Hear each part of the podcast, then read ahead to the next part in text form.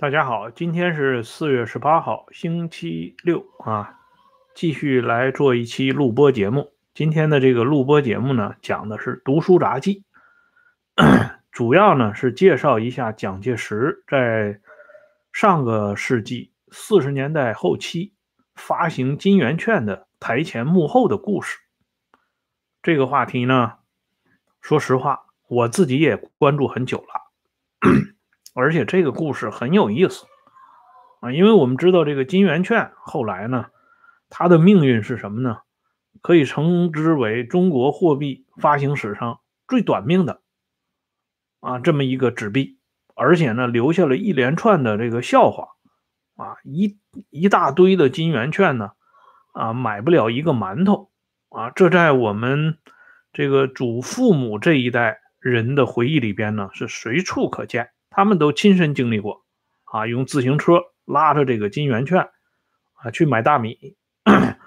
上午呢是一个价，下午呢又是一个价，到了晚上，在关门之前呢，啊，又成了一个价钱。所以这个事情呢，留给大家的印象很深，并且呢，被定义为国民党这个金融崩溃的一个标志性事件。那么这件事情它到底？它的来龙去脉是怎么回事呢？这里呢，我们首先呢要谈到已故著名历史学家高真义先生生前有一个作品叫《历史学的境界》。这本书里边呢，他接受了一个访谈，专门来讲蒋介石在军事上失败的原因。其中呢，他就谈到一个以前啊，相当一部分啊。主持近代史研究，或者是近代史这个军事史方面研究这个领域里不多见的话题，那就是说，蒋介石为什么在短短的三年多的时间里就一败涂地，最终呢败退到台湾？核心呢就是他在军事上的种种败仗，而这个军事上的种种败仗。归根结底，或者说最根本的两点，啊，高先生总结的比较精辟。这里呢，我不妨来复述一下他的观点。第一个呢，他认为蒋介石 在经济上没有实行一个总动员。关于这一点呢，蒋介石自己后来在一九五一年退到台湾的时候，他也承认没有搞这个战时总动员。他当时宣布的就是戡乱，啊，戡乱时期。这个戡乱时期啊，名义上叫戡乱，其实呢，在当时的大城市北平、广州、上海、南京、重庆啊这些大城市还都是安堵如常，老百姓呢过着一个啊非常正常的这种生活，完全没意识到这个国家正处于战乱频仍啊烽火硝烟之中。甚至呢，在一九六一九四九年六月份，蒋介石直飞重庆，主持这个大后方战局的时候，这个蒋介石的机要秘书周洪涛，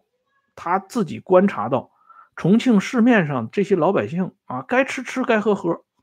表面非常平静。这与这个当时啊，这个毛泽东领导的解放区里边那种啊。喧天动地，啊，这个人们那个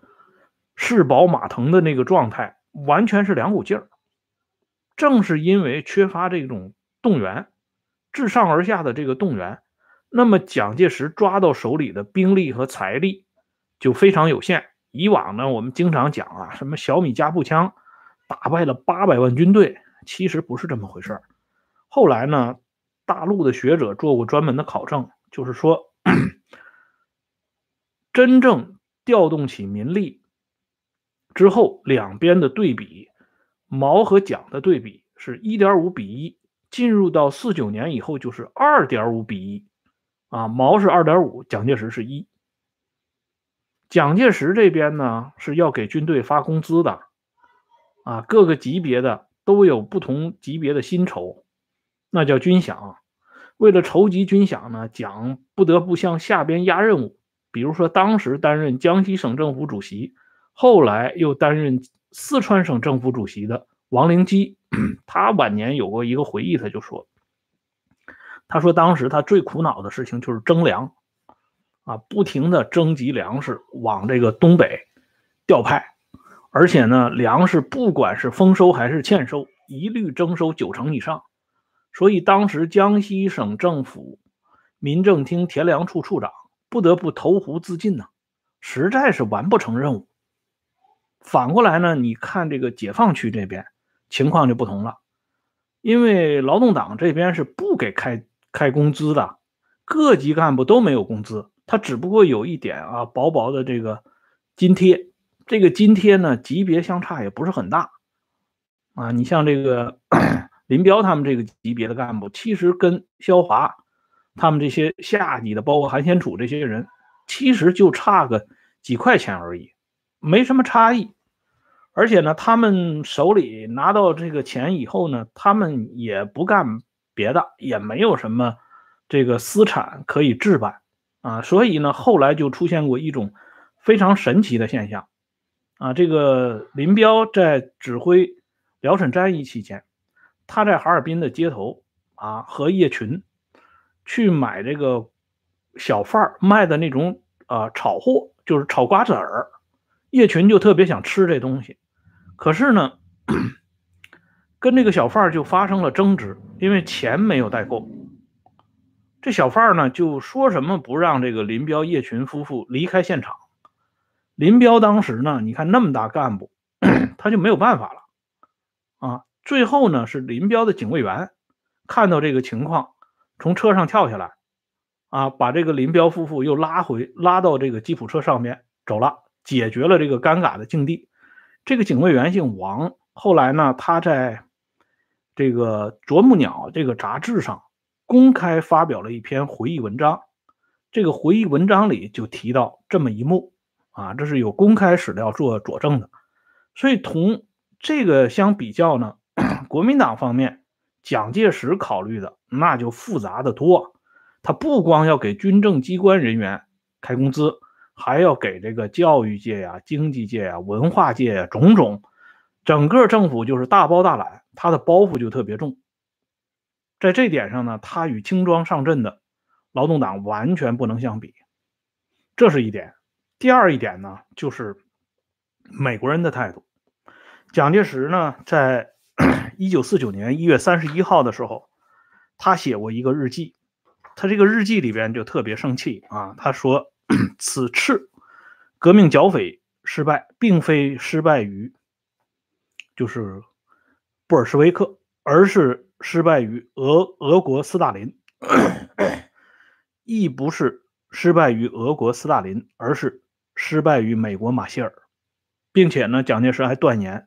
美国必将后悔莫及，而马歇尔必须负全部责任。不过看这个蒋介石后边的论断，说实话啊，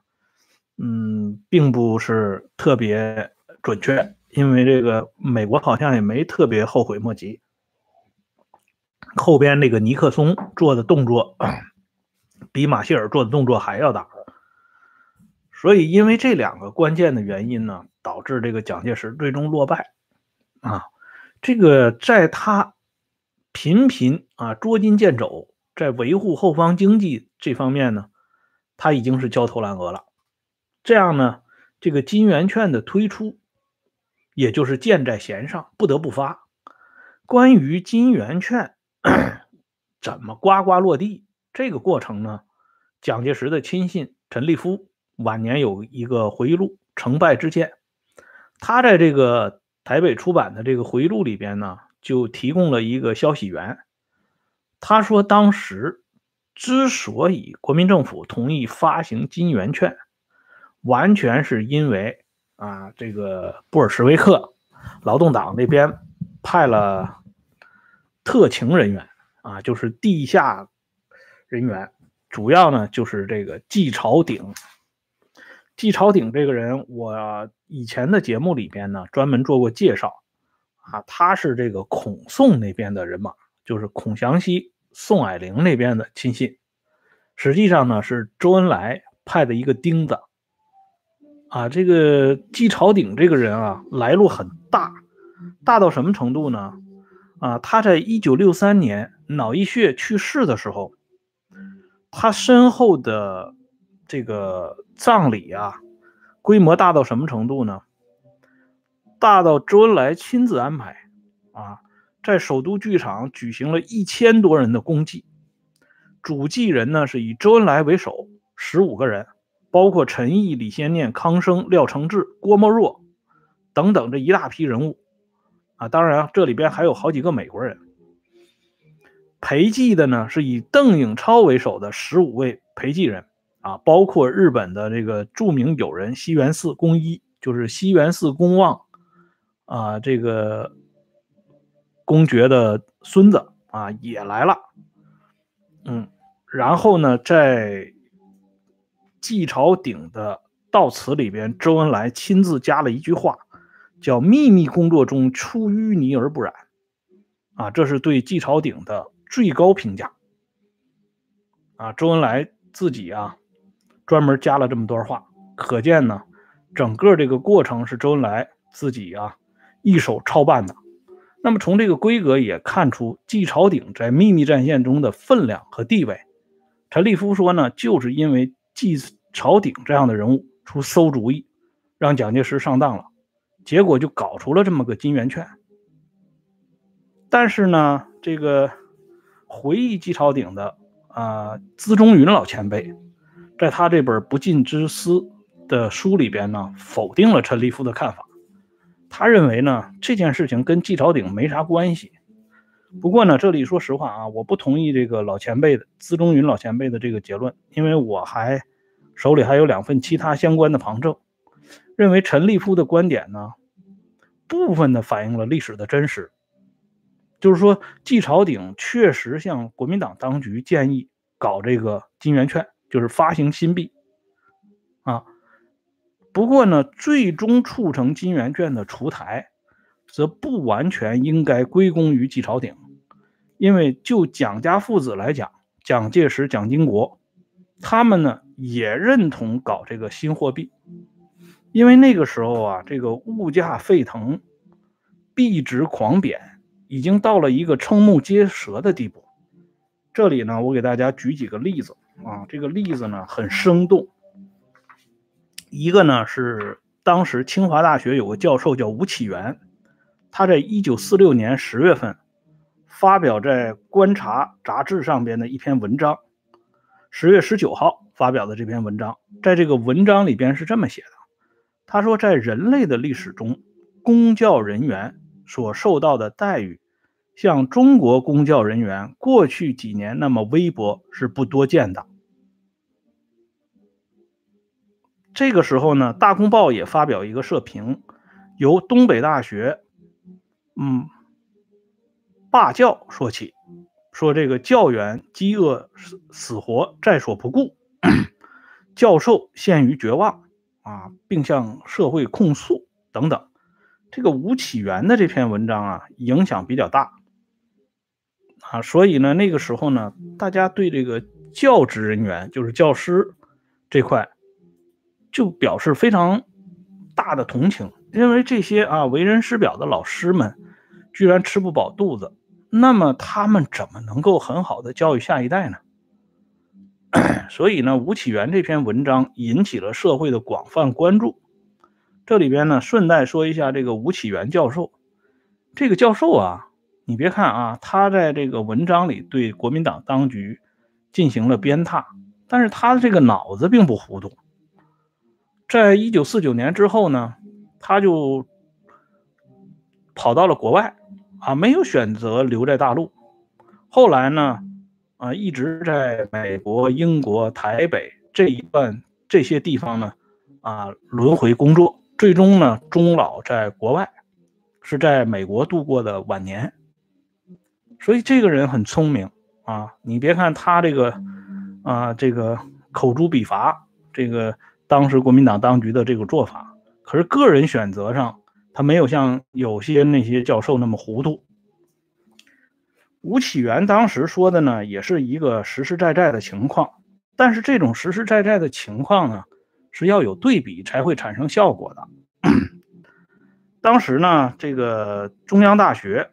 教授会专门呢搞了一次啊聚会。这次聚会呢，这些著名的教授，就是一九四七年五月上旬搞的这次聚会。这些教授们呢，啊，决定发表一个宣言。领衔的呢是吴世昌、宗白华、范纯忠、沙学俊啊等五位教授，他们负责起草。这个起草的宣言非常沉痛，啊，是字面里说什么抱着无限的沉痛，我们担当着教育中华民族下这个现代和下一代儿女的责任等等啊，向当局提出这个要求。这个要求呢，最重要的一点是，请政府。施行全国教育经费最低不得少于国家总预算的百分之十五。各党派和三民主义青年团的训练费用，啊，不得由国家教育文化项内开支，政府直接拨逐外汇，交给各学校订购图书仪器和科学器材，而且呢，要把教授的最高薪额从六百元提升到八百元。这个数字呢是底薪啊，这个上边还有浮动。如果呢以上要求不能达到，他们就要采取进一步的行动。这里这几组数字非常值得我们关注啊！你看看他的要求，居然是要求教育经费不得低于总预算的百分之十五，这是一个多么大的这个啊要求啊！撕着整个就是给人感觉就是啊血盆大口啊，狮子大张大张嘴啊！我们看过最近一次这个全国人民代表大会啊及其常务委员会这个接纳的政府的工作报告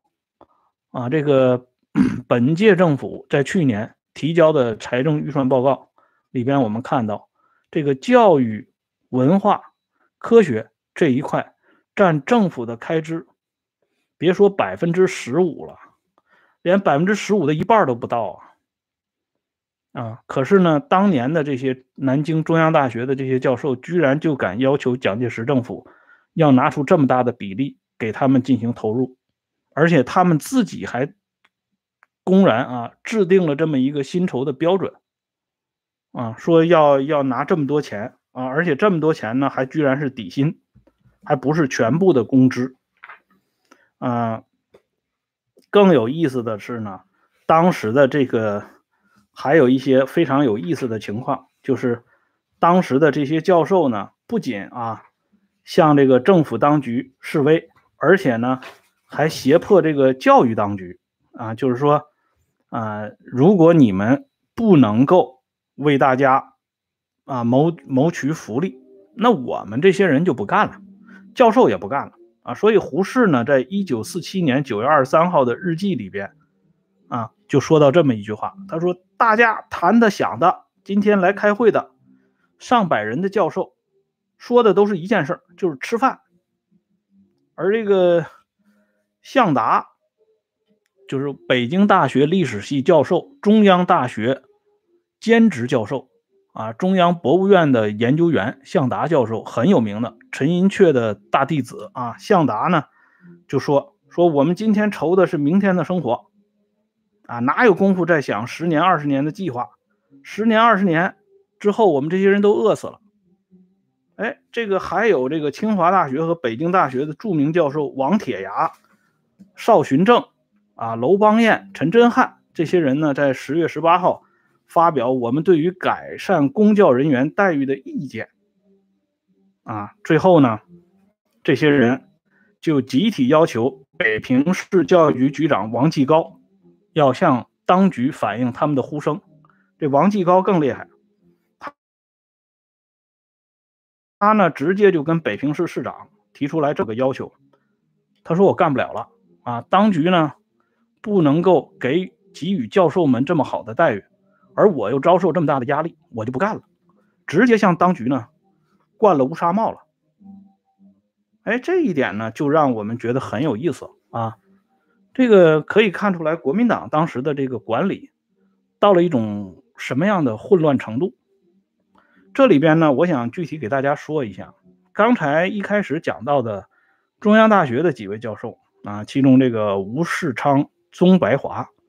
这是很有名的两位教授。吴世昌老先生呢，是一位相当有名气的文学家啊。这位老教授的诗词在啊现当代历史上占有一定的地位啊。这个当年呢，怒发冲冠啊，这个。指向国民党当局，可是后来呢？啊，进入到新社会以后，被劳动党搞的是七荤八素，啊，在文化大革命中呢，下放武器干校，嗯，上顿不接下顿，往往呢，连一顿像样的饱饭都吃不饱，啊，都吃不上，而且有的时候呢，专政人员还让他学狗叫。因为认认为这个人啊，他百无一用啊！你除了研究这些古代的东西啊，什么这些乱七八糟的东西，你对劳动人民，哪怕做出一丁点实际的贡献，有没有？吴世昌不敢说有啊，因为说有就要挨打。于是呢，吴世昌就得低头认罪。低头认罪不同啊，不行，还要学狗叫。可是这个时候呢，我们没有看到吴世昌有任何的抗议啊，当年的那种意气风发的样子，要求加薪，加到六百和八百还是底薪没有了，豪言壮语更是跑到九霄云外了。而另外一位教授呢，也是非常有名的，刚才我们提到了，那是郭沫若的领路人呐，很有名气的一个人物，也是这个新文化运动里边的一个健将。这个人呢，在文化大革命里边被搞到什么程度呢？他公然就跟这个专政人员说了，说江青是他亲妈妈。结果呢，说完这句话还还不说这句话还好，说完这句话呢，遭到这个更严重的暴打，就说你怎么能啊，把这个中央文革首长说成你的亲妈呢？这不是侮辱吗？结果呢，遭到暴打。就说这些人当年啊慷慨激昂的样子，都一夜之间都不见了。而这个吃完上顿想下顿的向达教授呢，啊对胡适抱怨，对这个北平市教育局局长王继高抱怨，甚至呢矛头指向北平市市长、南京市市长这向达，在一九五七年就被划为右派，直接遭到批斗啊！批斗会上，向达连个屁都不敢放。就是低头认罪，而文化大革命里边呢，首当其冲就把向达给揪出来了，因为向达没有完成任务，他南下没有说服陈寅恪北上，啊，是当局呢就认为丢了脸面了，这种废物点心留不留意义已经不大了。况且你是北京大学历史系教授，啊，你既不能像钱学森那样发明亩产十万斤的理论依据，啊，也不能像。这个咱们三爷那样成为第一颗鱼雷啊，第二颗鱼雷，所以呢，你不具备任何感召力。这样的这个废物点心呢，用伟大领袖的话讲，那是肥田都没有，嗯，就是都没有办法像牛粪一样去肥田，百无一用啊！怎么办呢？那就没有存在下去的价值。所以向达呢是被专政人员活活给打死的。最后呢，是在一九六六年十一月二十四号，韩渊在医院去世。啊，这个打死之后呢，送到医院，这个人就是已经严重昏迷了。啊，这个专政人员一看，这不能死在这个专政场所，照例给他送到医院。送到医院以后呢，医生得知这是一个啊废物点心。那医生也不打算发扬革命的人道主义精神了，也就拖延治疗啊，或者说就根本就不管。这个人最后就死了，死的时候呢，身上连个被单都没有。而这个向达的家属呢，到今天也不敢鸣冤叫屈，只能呢笼统的说，他老爹呢是被这个呃江青四人帮一伙迫害致死，这个死亡的整个过程是绝对不敢宣之于众的。啊，所以呢，我们接下来来看一下，当年啊，敢对蒋介石放炮的这些啊，这些这个雄赳赳气昂昂的这些知识分子，后来不知道是什么样的原因啊，居然都龟缩成一团儿啊，再也不敢啊嘚啵嘚啵了。由此呢，我们就可以看到，这蒋介石真正失败的原因究竟在哪里了。今天呢，咱们这个节目先讲到这里。明天咱们这个节目呢，接下来要把这个金圆券发动的过程，以及发行的过程，最后发展的过程，乃至收尾的过程，再给大家做一点简单的描述。谢谢大家，我们下次节目再见。